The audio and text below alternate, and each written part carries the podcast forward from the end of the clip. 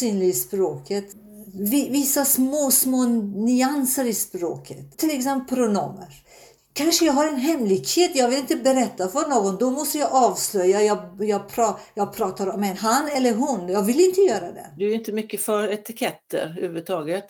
Men du har ju bråkat med hela, liksom, till exempel det heteronormativa paketet eh, på massa olika sätt. Hon har satt filmkameror i händerna på många unga aktivister. Möt filmskaparen Nasrin Pakko i ett samtal med sin kollega och vän Eva Warberg. Om queer filmaktivism och Nasrins outtröttliga arbete i Göteborg och internationellt sedan mitten av 1990-talet då hon såg till att Kvinnofolkhögskolan fick en filmkurs. Under samtalet kommer vi att höra klipp ur Nasrin Pakkos filmer Daniels kjol och Regnbågens sång.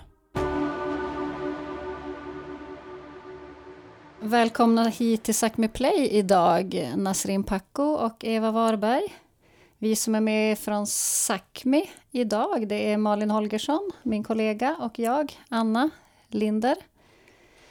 Vi träffas ju på Zoom idag, eller på Teams numera. Vi byter mellan de här olika plattformarna. Och eh, jag är lite nyfiken på er två som första fråga från mig i alla fall. Eh, hur träffades ni? Kan ni berätta om ert allra första möte? Ja, Nassim, kör du. Ja, det, är, det ser jag minst samma sak. När jag kom till Sverige som flykting då jag skulle lära mig språket och jag sökte Kvinnofolkhögskolan. Och där de hade inte eh, den här SFI-kursen den terminen. De sa att du kan börja med allmän kurs. Och Eva var lärare på den här kursen. Och egentligen Eva var min lärare. Men, och då jag har träffat henne. Men jag minns i eh, andra dagen när hon eh, satt i aulan, eh, i köket eller salen som vi hade där som sjöng. Jag tänkte wow vilken kraft! Då var det var så, jag tänkte du hade inte så dåligt med kraft du heller. Egentligen så skulle inte vi ta in Nassim för hon, alltså egentligen så räckte inte hennes språk för allmän kurs. Men vi såg att det här var någon slags naturfenomen eller någonting så vi tänkte så här, vi måste bara ta in henne, det får lösa sig. Och det gjorde det. Mm. vi såg att hon liksom hade en förmåga att kommunicera bortom någonting som vi hade sett innan tror jag. Så vi struntade alla sådana där språkregler och bara sa klart att du ska börja. Och det, har det, var... vi inte, det ångrade vi inte. Nej, det var, det var intressant därför att jag har jag har läst, eh, jag var färdigutbildad och därför det var när till exempel med, med mina klasskamrater när Berit Larsson hade filosofi och jag har förstått eh, väldigt mycket av den här filosofiska diskussioner som hon hade. Men mina klasskamrater sa, du förstår, du förstår du vad hon säger? Jag sa, ja, jag förstår. Men nej, ljuger du? Nej, jag förstår den därför att jag har läst tidigare. Jag vet visste vad, vad pratar Berit om. Det var väldigt intressant och samtidigt jag blev aktiv i en förening som det var i förening Joyce och Eva var aktiv där också. Jag blev aktiv. Alltså en internationell förening som vi hade på skolan som eh, jobbade med de kontakterna som vi hade runt om i olika länder där vi har haft resande kurser och ja, samarbetade i olika projekt. Mm. Jag, jag var aktiv i en annan förening också, som de hade en kamera där. Och sen jag lånade den här kameran, jag kom och gjorde en film om skolan.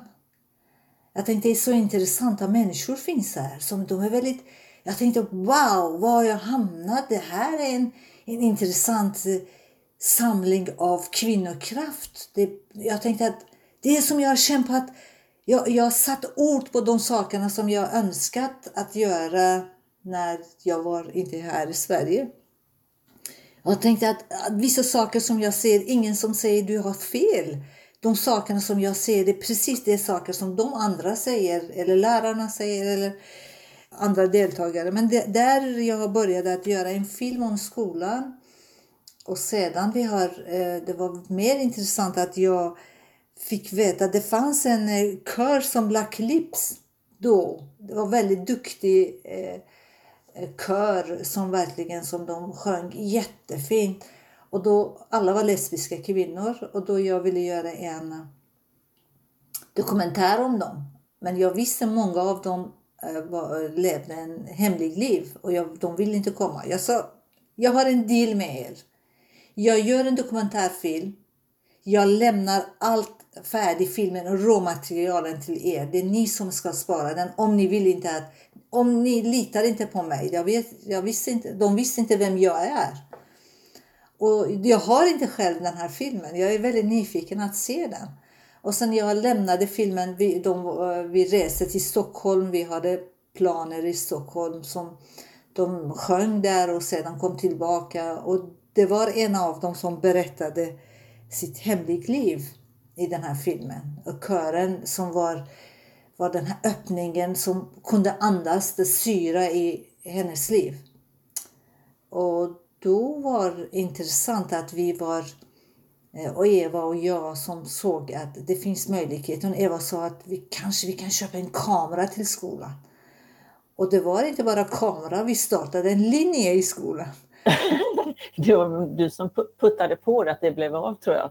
Det fanns ju några stycken som, som hade, var intresserade av film på skolan men du såg till att vi sökte pengar så vi kunde köpa en utrustning och eh, ja, det var, gick ju inte bara att säga nej till det.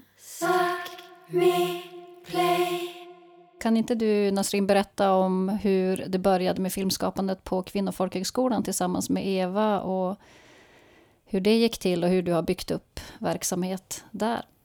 Eh, att bygga verksamheten det var eh, Eva och jag tillsammans och sedan det var en annan, eh, annan lärare som Anna Hallberg som eh, var med också som egentligen Eh, jag och Eva startade den, vi sökte pengar, vi fick pengar, vi byggde allting som ska fungera, ramen för en, en feministisk studie. Vad, vad menar vi med detta? Varför vi gör detta? Hur kan vara nytta av den? Och hur kan deltagarna eh, i kursen ska använda eh, videon som en, som en verktyg för att skapa och bearbeta kanske med vissa saker som de har upplevt i sitt liv. Och, eh, men samtidigt, vi var, vi var inte nöjda bara för, för att vara lärare, vi var aktivister. Och med Eva vi sökte pengar att vi ska åka runt och samtidigt vi har samlat pengar med Eva tillsammans. Vi sjöng och samlade 8000 kronor eh, som vi, eh, för att åka till Indien. Som vi var två gånger i Indien. Vi var i Kina, vi var i Finland. Som vi åkte Estland och Lettland och som vi har gjort flera filmer med kvinnor, kvinnors kraft och kunskap. Och målet med det, som det var en feministisk mål som vi hade, att vi, därför att alltid var så, eller jag upplevt, alltid i allt som är i väst, kampen som det var i väst är, är mer värd än den som andra gör, till exempel i Asien. Det är som vi var i Indien som vi ville visa att exakt samma saker som görs i universitet i, i Sverige, de kvinnor i en by gör exakt samma sak. De gör så. Och det som vi gjorde, det var hur många år sedan var det Eva? Det var som första resan det var, var nästan... 94 första år, gången och sen var vi där 98 igen. Ja, 94, som du kan tänka 94, gå i en by och de kvinnor som var där i byn, de säger i en sån hög nivå av eh, feministiska teorier som jag tänkte att wow! Och sen den glädjen att jag, jag är där med dem, upplever detta med dem tillsammans. Och... Men man kan ju säga, jag tänker nästan det här tekniska hoppet mellan, alltså 94 när vi åkte då hade vi 11 olika kolli hålla reda på Nassim och jag när vi skulle åka tåg och ut till de här byarna. Och eh, det var alltså VHS-kassetter. Eh, så vi, och vi hade all, alla kassetterna med, hade med det ner. När vi åkte 98 sen, då hade vi allting i en ryggsäck. Mm. Alltså, det var digitalt. Lätt, ja, precis. Mindre kamera, det var inte så mycket tunga. Vi hade väl ett stativ och så hade vi en liten kamera och så hade vi de här små DV-banden.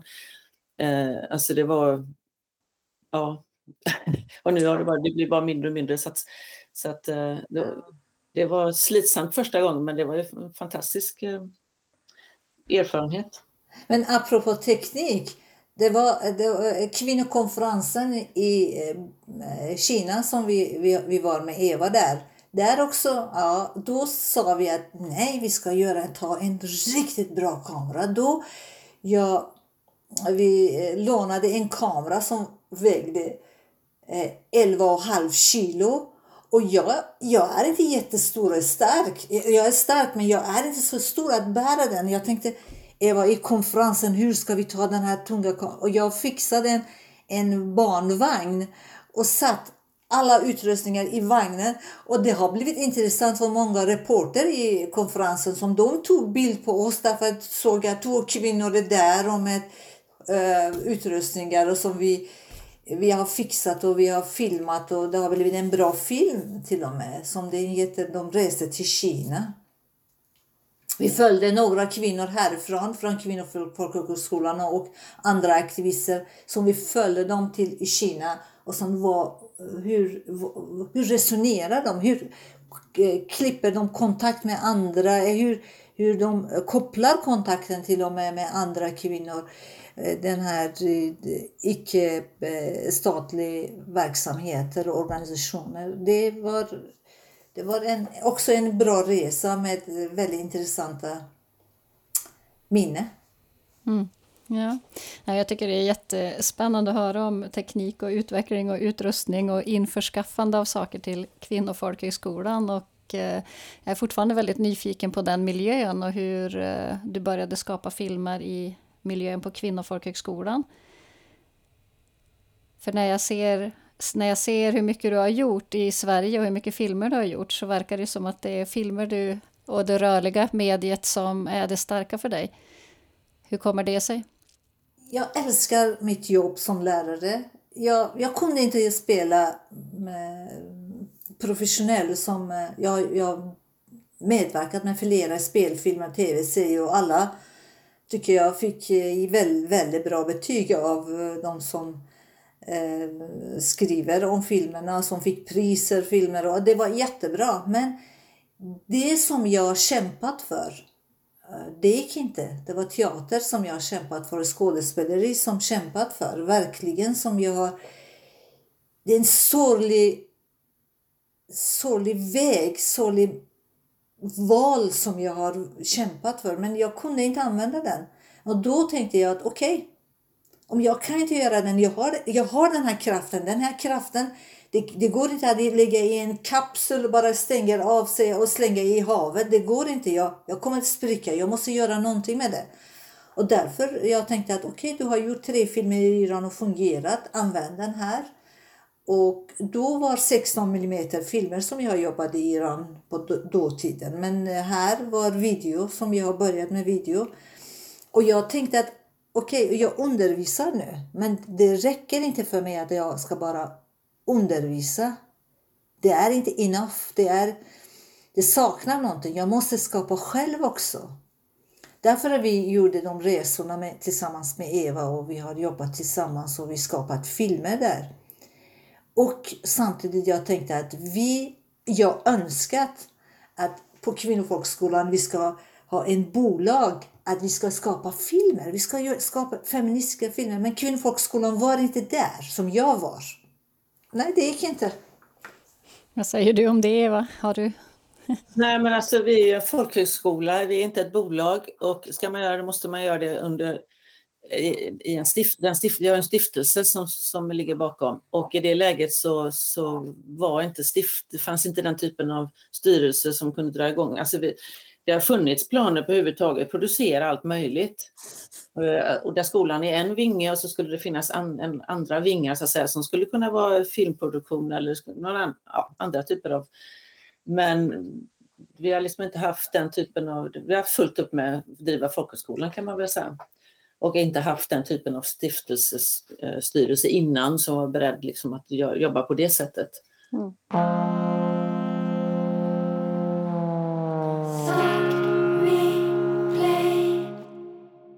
tänker också så här, kring de filmerna du gör Och om jag nu får ta en väldigt stark och fin film som heter Regnbågens sång, som många i Göteborg känner till väl, vet jag. Eh, den undrar jag ju lite över. Jag är extra nyfiken också på det queera intresset i dina filmer och i ditt filmskapande. Hur kommer det sig? Jag vet inte, jag kan inte, jag kan inte svara. Jag...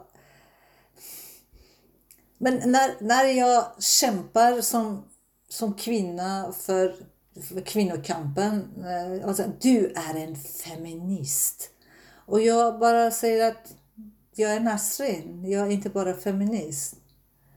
När någon säger dina filmer innebär väldigt mycket queera mm, perspektiv. Men hur var, du, är en, du, är, du, är en, du är en queer. Och jag säger, nej jag är Nasrin. Eftersom de saker som görs egentligen det, det bär på en erfarenhet. Ett upplevelse, så mycket sorg, så mycket skratt, så mycket kamp. Som eh, de, de gör att jag upplever att vissa saker ska göras jag gjorde en film, Vad tycker du? Jag tror att det var 92. Ja, den här filmen Vad tycker du? Det skulle vara en film om feminism. Vi, vi gick ju runt och vi ställde frågan till flera. Vad betyder feminist? När du hör ordet, vem, vilka är feminist? Känner du någon feminist? Och där var väldigt intressanta svar som vi fick. Som Eh, jag ville veta vad, vad folk tänker om detta som feminist. Det är inte bara som några säger till mig, du är feminist, eller de säger till Eva eller Kvinnfolkskolan är en feministisk skola, men vad, vad, vad folk tänker. Och då var väldigt, väldigt negativ klang med det här ordet. Väldigt negativt, mer negativt.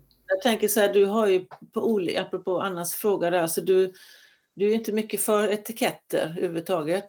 Men du har ju bråkat med hela, liksom, till exempel det heteronormativa paketet eh, på massa olika sätt eh, i ditt liv, så att säga. Ehm, föreställningar hur man ska leva och inte leva och ja, hur en familj ska se ut eller inte se ut. Och det, många gånger så har du mycket mer, bråkat mycket mer med det än många personer som lever eh, ett tydligt queerliv eller så, alltså i sina relationer men som inte ställer speciellt kritiska frågor. Det saknar jag ganska mycket i queerrörelsen idag, att vissa typer av diskussioner är jag vet inte, det verkar vara mycket kamp för rättigheter och, och, lite mindre kritiska diskussioner ibland tycker jag, som jag saknar. Men de har ju Nassin alltid eh, faktiskt eh, har alltid med det på något sätt och det kan vara alla möjliga, liksom, man inte bara tar för givet att en viss typ av rättigheter alltid är liksom eh, eftersträvansvärt för alla eller vad man nu ska... Alltså, ja, jag ska inte utveckla det vidare men, men eh, alltså en kritik också mot någon typ av nyliberal, nyliberal kanske politik på ett sätt. Mm. Som också går in i queerrörelser och feministiska rörelser också. Men Eva, jag verkligen måste eh, passa på att säga utan Eva jag skulle inte göra så många filmer som jag har gjort. Utan Evas hjälp, utan Evas Nej, jag bara jag säger därför att eh, om, jag, om det var inte så, därför att man behöver ibland man är ensam, man behöver en bollplank. Så man behöver att någon kritiserar mig och säger du tänker fel här nu på den här punkten. Eller ja, det är bra, men kan vi titta på den här hållet också? De levande diskussioner, de, de eh, intressanta och som verkligen var en kurs för båda oss. Alltså dels är det här behovet att få bolla med någon och veta att den personen faktiskt vågar säga nej det där verkar vara helt, nu är du ute och cyklar. Vad menar du med det? Då kanske man känner sig som en tråkig broms eller någonting men samtidigt så är det, det är mycket värt att man vet att en person verkligen, eh, att man kan ha den typen av öppet, liksom öppen diskussion. Vi har ju tjafsat i många år kan man säga. och är fortfarande de bästa vänner.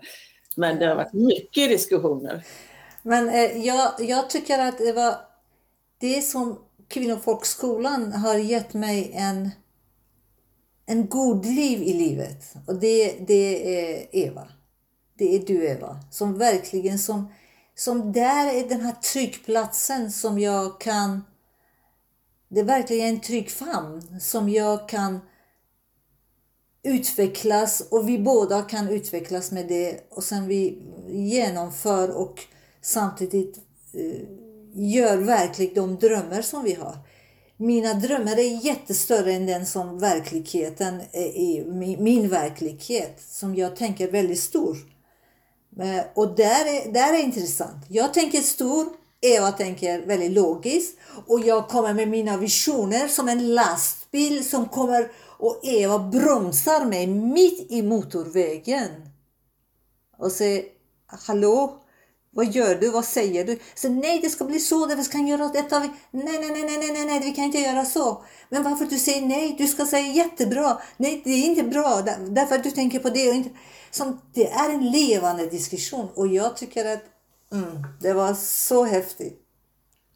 Vad heter det? Kan, kan det tänka sig att eh, intresset för minoriteter och kampen och den är så lik det som du också har med dig från eh, Iran. Jag tänker på den här filmen som du också gjorde när du återvände kring gruppen som använder karate som en form av feministisk politik. Eh, att du intresserar dig för de här rummen som är för minoritetsspråk, eller vad jag ska kalla det, politiska separatistiska rum ibland också.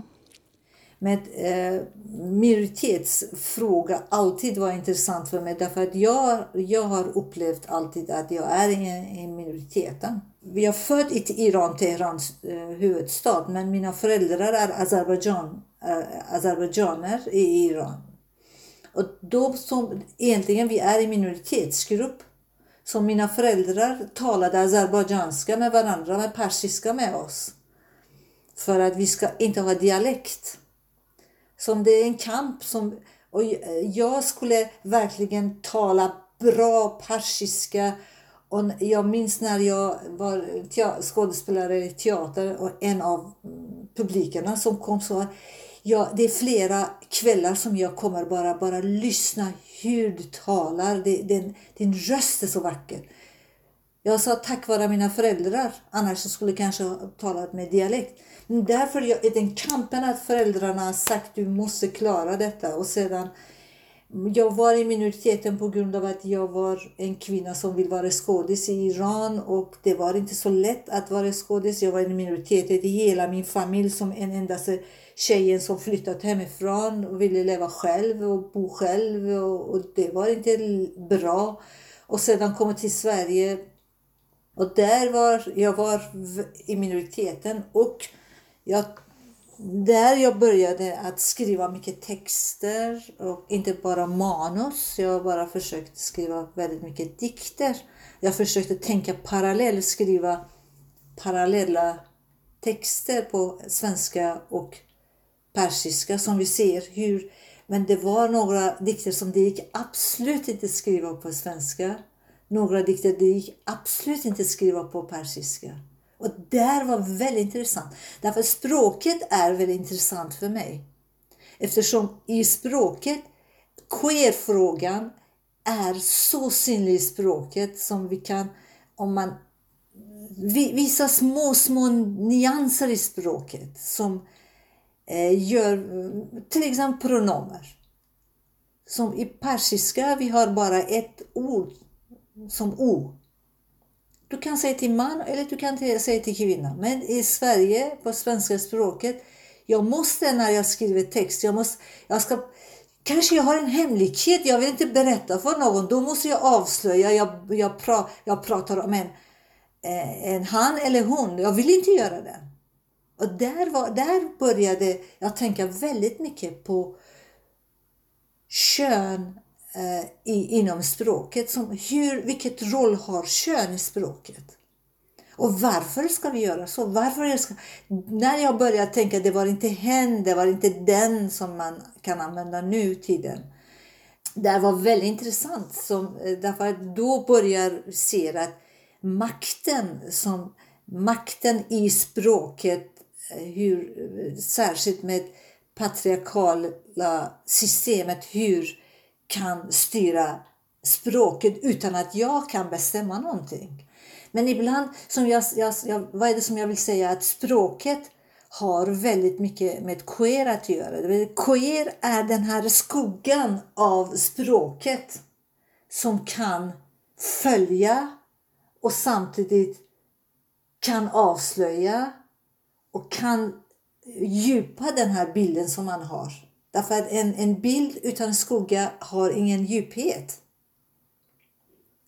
Och det, de tankarna, de, de funderingar kan hjälpa till att man förstår lite grann mer, kanske ifrågasätta vissa saker lite mer.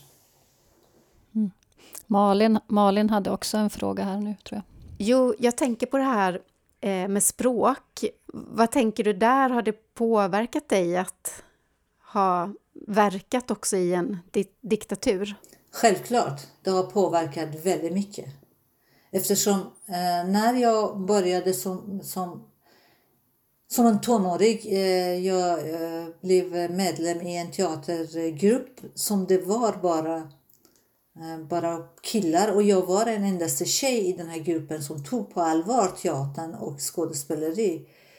Och där vi, vi har delat böcker till exempel som vi ska läsa bara som man kan säga under bordet som vi skulle läsa boken hela natten. Och tänk jag har, jag har massor av från skolan som måste göra de uppgifterna samtidigt jag, jag sov kanske två timmar bara för att läsa den här boken och sedan jag ska lägga den i en korg och lägga grönsaker på den här korgen och lämna till andra i gruppen som ska läsa detta. Som det var som hem, bevara den här hemligheten.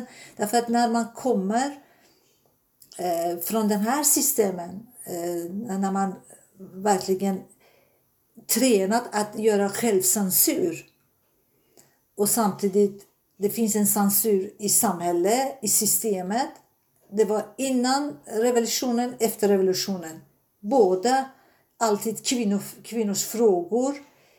Eh, demokrati var den här sista punkten i eh, dagordningen för, för dem. Men, eh, och samtidigt den, den här fantastiska gruppen som jag upplevt med de väldigt, väldigt fina minnen. Vi har gjort väldigt mycket tillsammans.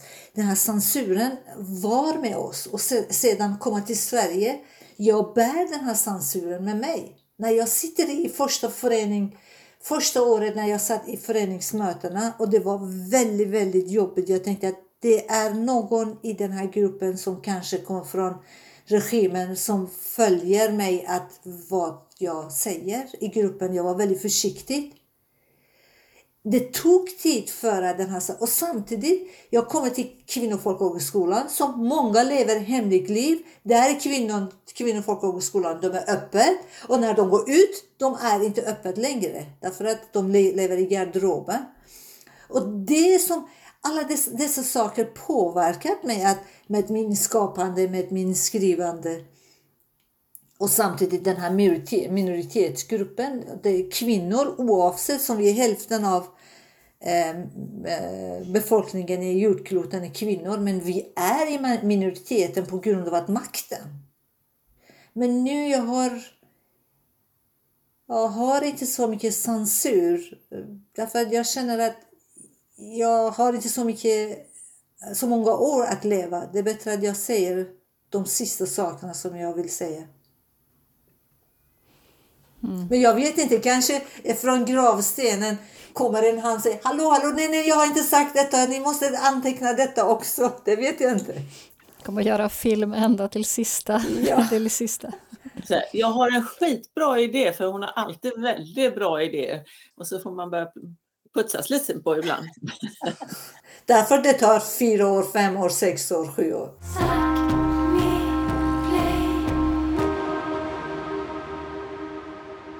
Det är inte bara på Kvinnofolkhögskolan som jag var med och startade tillsammans med Eva feministiska studier. Vi har startat filmlinjer filmlinje på Kulturskolan i Öst, eh, östra Göteborg och Kulturskolan i Mölndal Som det var jag som startat de filmlinjerna. Jag sa okej, okay, nu vi har en lovverksamhet. Ni ska göra en film under lovet. Vilken film vill ni göra? Det finns olika idéer, men en av dem säger att jag vill göra en film om minoriteter. Okej, okay, varsågod. Berätta vilken idé du har. Och berättar om att ska göra en film om en, en kille som kommer till sk eh, i skolan som blir mobbad på grund av att säga att jag är bög. Och det jag, ser, jag vet att det är resultatet av alla dessa diskussioner som jag har haft med dem. Det är inte bara att de har hört, nu de vill göra en film om detta. Att hur barn och ungdomar i skolan upplever. Och sedan den här filmen som är Daniels kjol också, som där också visar småbarn. Hur kan de mobba? Det är de scenerna som barnen själva var med, bidrar med några dialoger. Som där var väldigt, eh, väldigt häftigt tycker jag. Här får du en boll. Aj! Det gjorde jätte, jätteont. Kom, nu sliter vi av kjolen. Han kan ju inte spela fotboll med en kjol. Nej, snälla sluta. Sorgligt samtidigt. Efter att göra en sån film och sorgligt att det finns fortfarande i samhällsstrukturen. Nasrin, förlåt, får jag bara ställa en fråga? Ja. Nu när du nämner Daniels kjol, den här animerade filmen som vi precis hörde ett klipp ur, där barnen själva spelade alla roller. Och apropå det här med queer, språk och kön, som vi pratade om förut, eh, så har du nämnt någon gång att när du undervisar barn i animation som är nybörjare så har det inte varit helt lätt just när ni ska spela in repliker till filmer. Kan du säga någonting om det? Mm, det var alla, alla eleverna som är där, alla är killar och en av dem är tjej i filmen, i rollerna. En, en av dem måste vara tjej. Och killar säger nej, vi vill inte vara den här tjejen, men det spelar ingen roll. Nej, jag är inte tjej. Men säg, din röst hörs inte, du är inte så man som ska skilja mellan mans röst och kvinnas röst. Ni är, alla barn har samma volym och samma ton, det är helt okej. Okay. Men de kämpar, de vill inte göra det. Hur mycket diskussioner jag ska ta med dem för att det spelar ingen roll. Nu alla spelar alla roller och det spelar ingen roll för dem. Och det tycker jag att jag hoppas och jag önskar att eh, ha påverkat med de ungdomar och barn som jag träffar i mitt jobb. Alla sover. Nu ska jag ta den där jättefina solen på mig. Jag måste vara jättetyst så att alla andra inte vaknar. Speciellt inte min syster. Åh, vad fin. Vänta. Det finns en ännu finare sol. Wow. Den är så fin. Jag tänker ta på mig den till skolan idag. Ja. Kan inte du berätta om vad Daniels kjol är för film? Det handlar om en, en, en kille som vaknar på morgonen och tänker vad ska jag ta på mig, vad ska jag ta på mig, vad ska jag ta på mig? Och igen, animerad film. Ja. Animerad film, ja.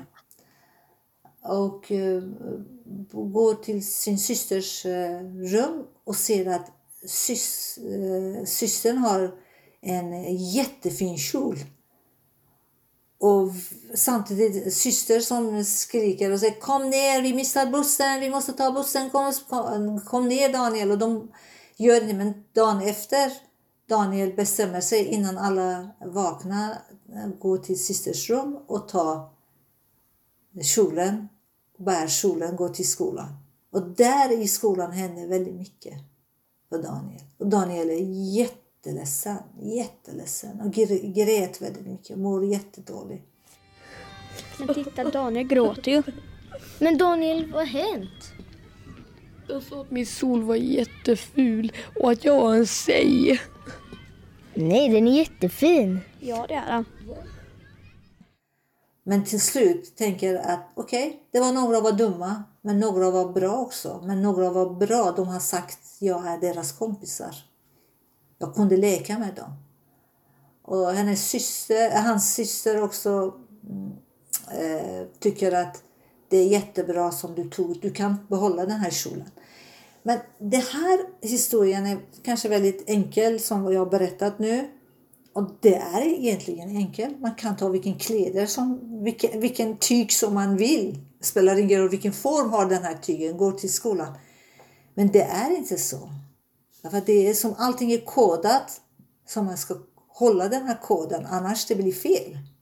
Och Daniel går med en felkod till skolan. Det tycker jag är en av de filmer som jag kommer vara väldigt stolt över i mitt liv. Det var någonting som inte bara Nasrin Pakur står här och gör en film. Vi gör tillsammans med alla de åttaåringar och jag som vi tillsammans och jag har sagt vi gör tillsammans. Okej, okay, jag, jag är regissör men vi gör tillsammans någonting. Eh, när jag ser Eva vara med, med mig hela tiden. Okej, okay, står mitt namn som regissör och, men egentligen Eva är stor som regissör också eftersom vi har bollat så mycket och vi har gjort tillsammans och alla som medverkar i filmerna som de är också bidragit med sitt liv med de, alla dessa berättelserna. Ja, det för mig genast till Regnbågens sång, för där vill jag verkligen fråga om hur det kommer sig att du eh, gör den filmen och hittar de här fantastiska människorna som är med eh, och att det just specifikt handlar om äldre hbtqi-personers liv och relationer. Fan, nu är det sagt. Det är ute. Jag är ju flata. Jag lever homosexuellt, samkönat och är trans. Du behöver inte det här QX eller kom ut-tidningen. Du, du är för gammal för det. Men med den inställning som ni har så kommer jag aldrig att kunna gifta mig. Jag hade faktiskt fjärilar i magen varenda morgon när jag åkte till jobbet av rädsla för att eventuellt bli avslöjad.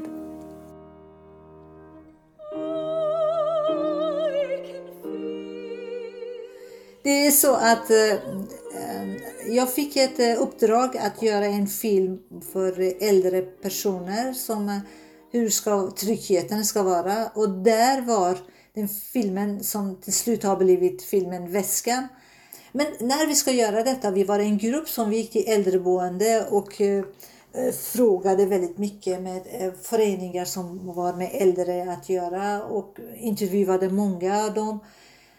Eh, som vad är det som saknas, hur ska vi göra? Det var väldigt en process som vi gjorde. Men de, de människorna som jag har träffat och intervjuat, ingen av dem har sagt att de är lesbien eller de var, eh, eller de var eh, gay. Och då tänkte jag, det kan inte vara sant. Om statistiken säger ungefär 10% av befolkningen i människorna på jordkloten är homosexuella eller de har den här eh, upplevelsen, då är fel. Varför ingen av dem har sagt, som flera hundra personer som vi har träffat, ingen av dem har sagt någonting. Det är något fel, någonting som är, någonting som är inte rätt. Då tänkte jag att nej, jag måste göra någonting om äldre hbtq personer och jag måste jobba eftersom samtidigt jag hade många bra vänner runt omkring mig. Till exempel Guje Golander, Berit Larsson, eh, eh, Lilian Hultén som de verkligen har kämpat för sina eh, eh liv. Och, eh, alltså, det där är ett bra, jag tänker det är ett bra exempel på det vi pratade om innan det här att man hör, man hör tystnader. Alltså att man har tränat upp en förmåga att höra det som inte sägs, det som inte finns med. Och det, det tror jag är liksom, och du, du har den, du har det örat. Ja. Så du hör vad som inte finns med, du hör vad som inte sägs. Eh, och, och, och, så börjar du liksom fundera kring det. Mm.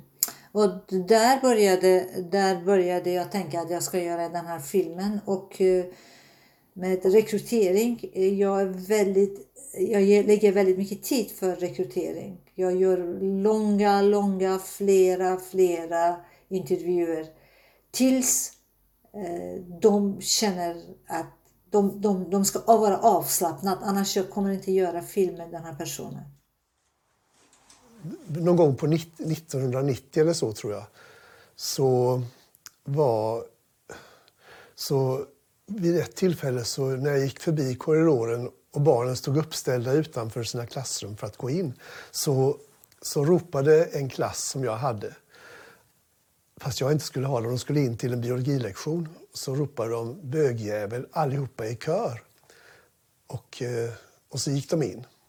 Och i samma ögonblick så insåg jag att det här kan jag inte tillåta.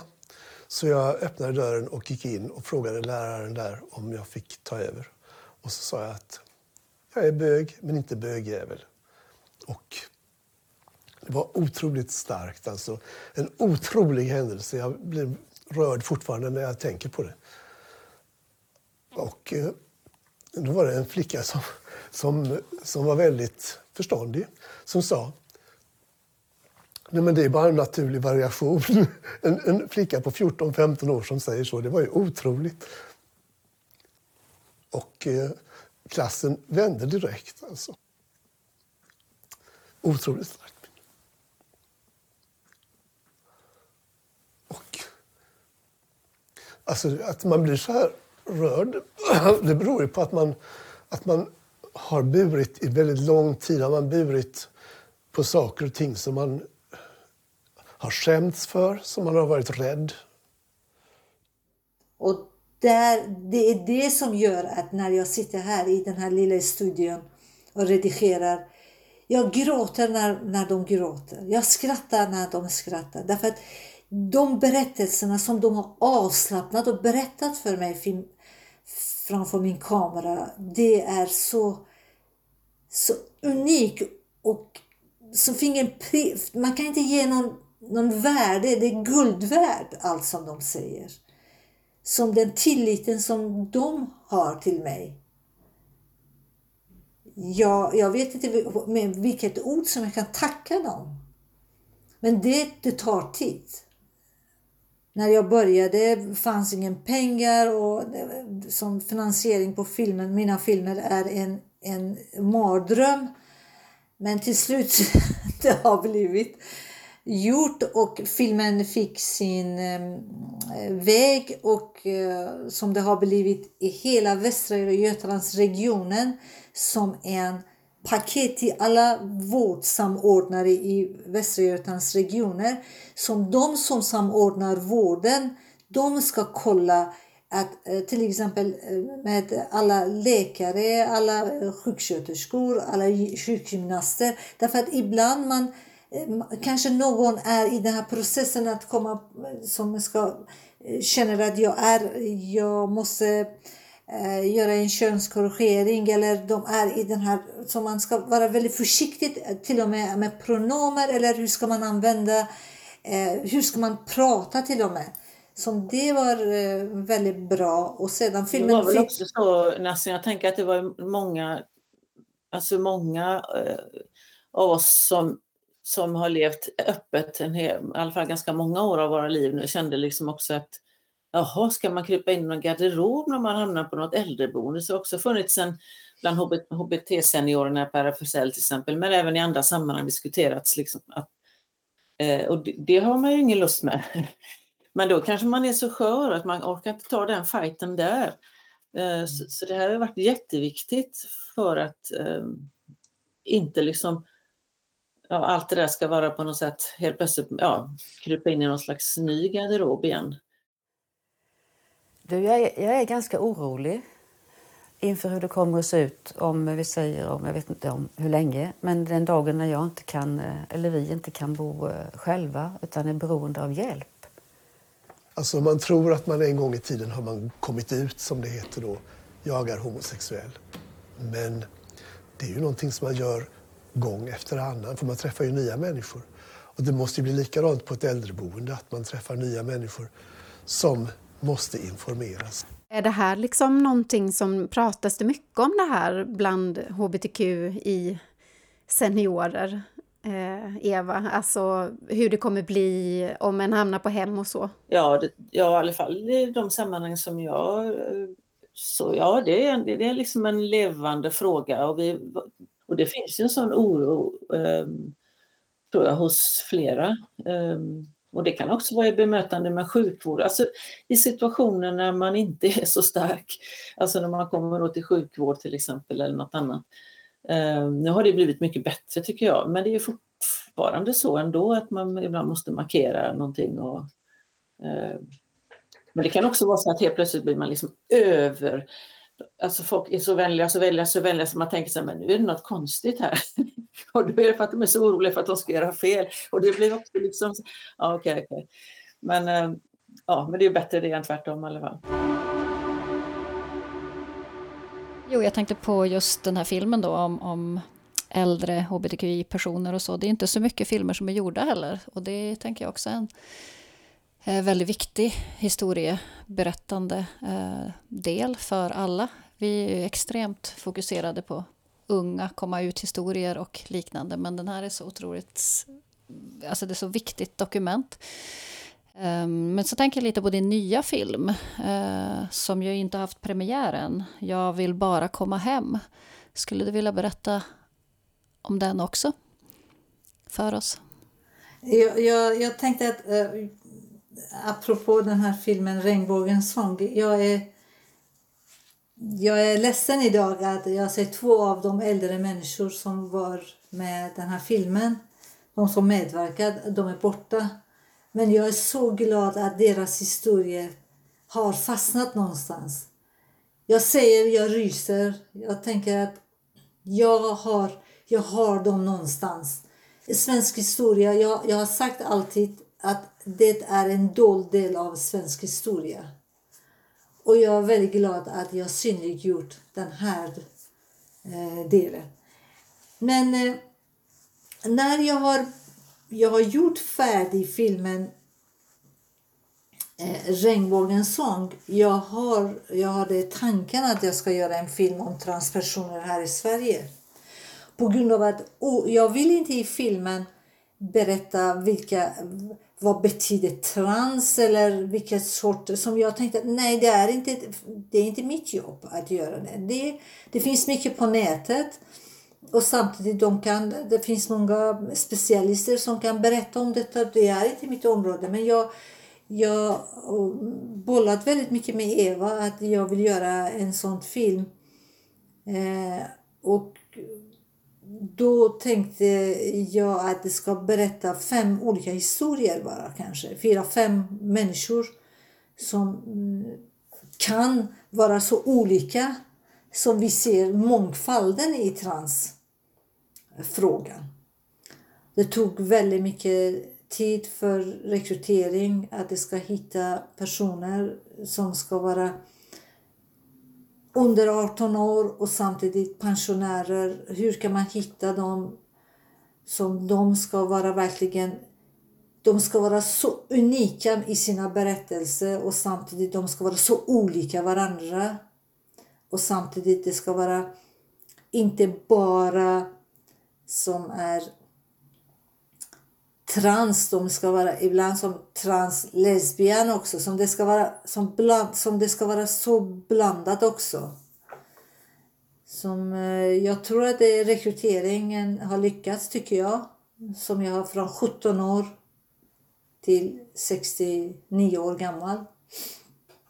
Mm, det är rätt, rätt blandning. Jag har en person som sökte asyl och jag försöker följa henne och här i Sverige. Och till exempel den personen kommer, som jag har lite från, eh, inte bara Göteborg eller Västra Götalandsregionen, det är blandat. Jag tänker också det här att om man vill göra en film med en grupp som är så utsatt på så många sätt i samhället eh, och samtidigt eh, tilliten till, till majoritetssamhället är ju ganska skadad många gånger kan man väl minst sagt säga, både från alltså, omgivning och vård och allt möjligt sånt där. Så att det, och, och samtidigt är ansvaret någonstans då.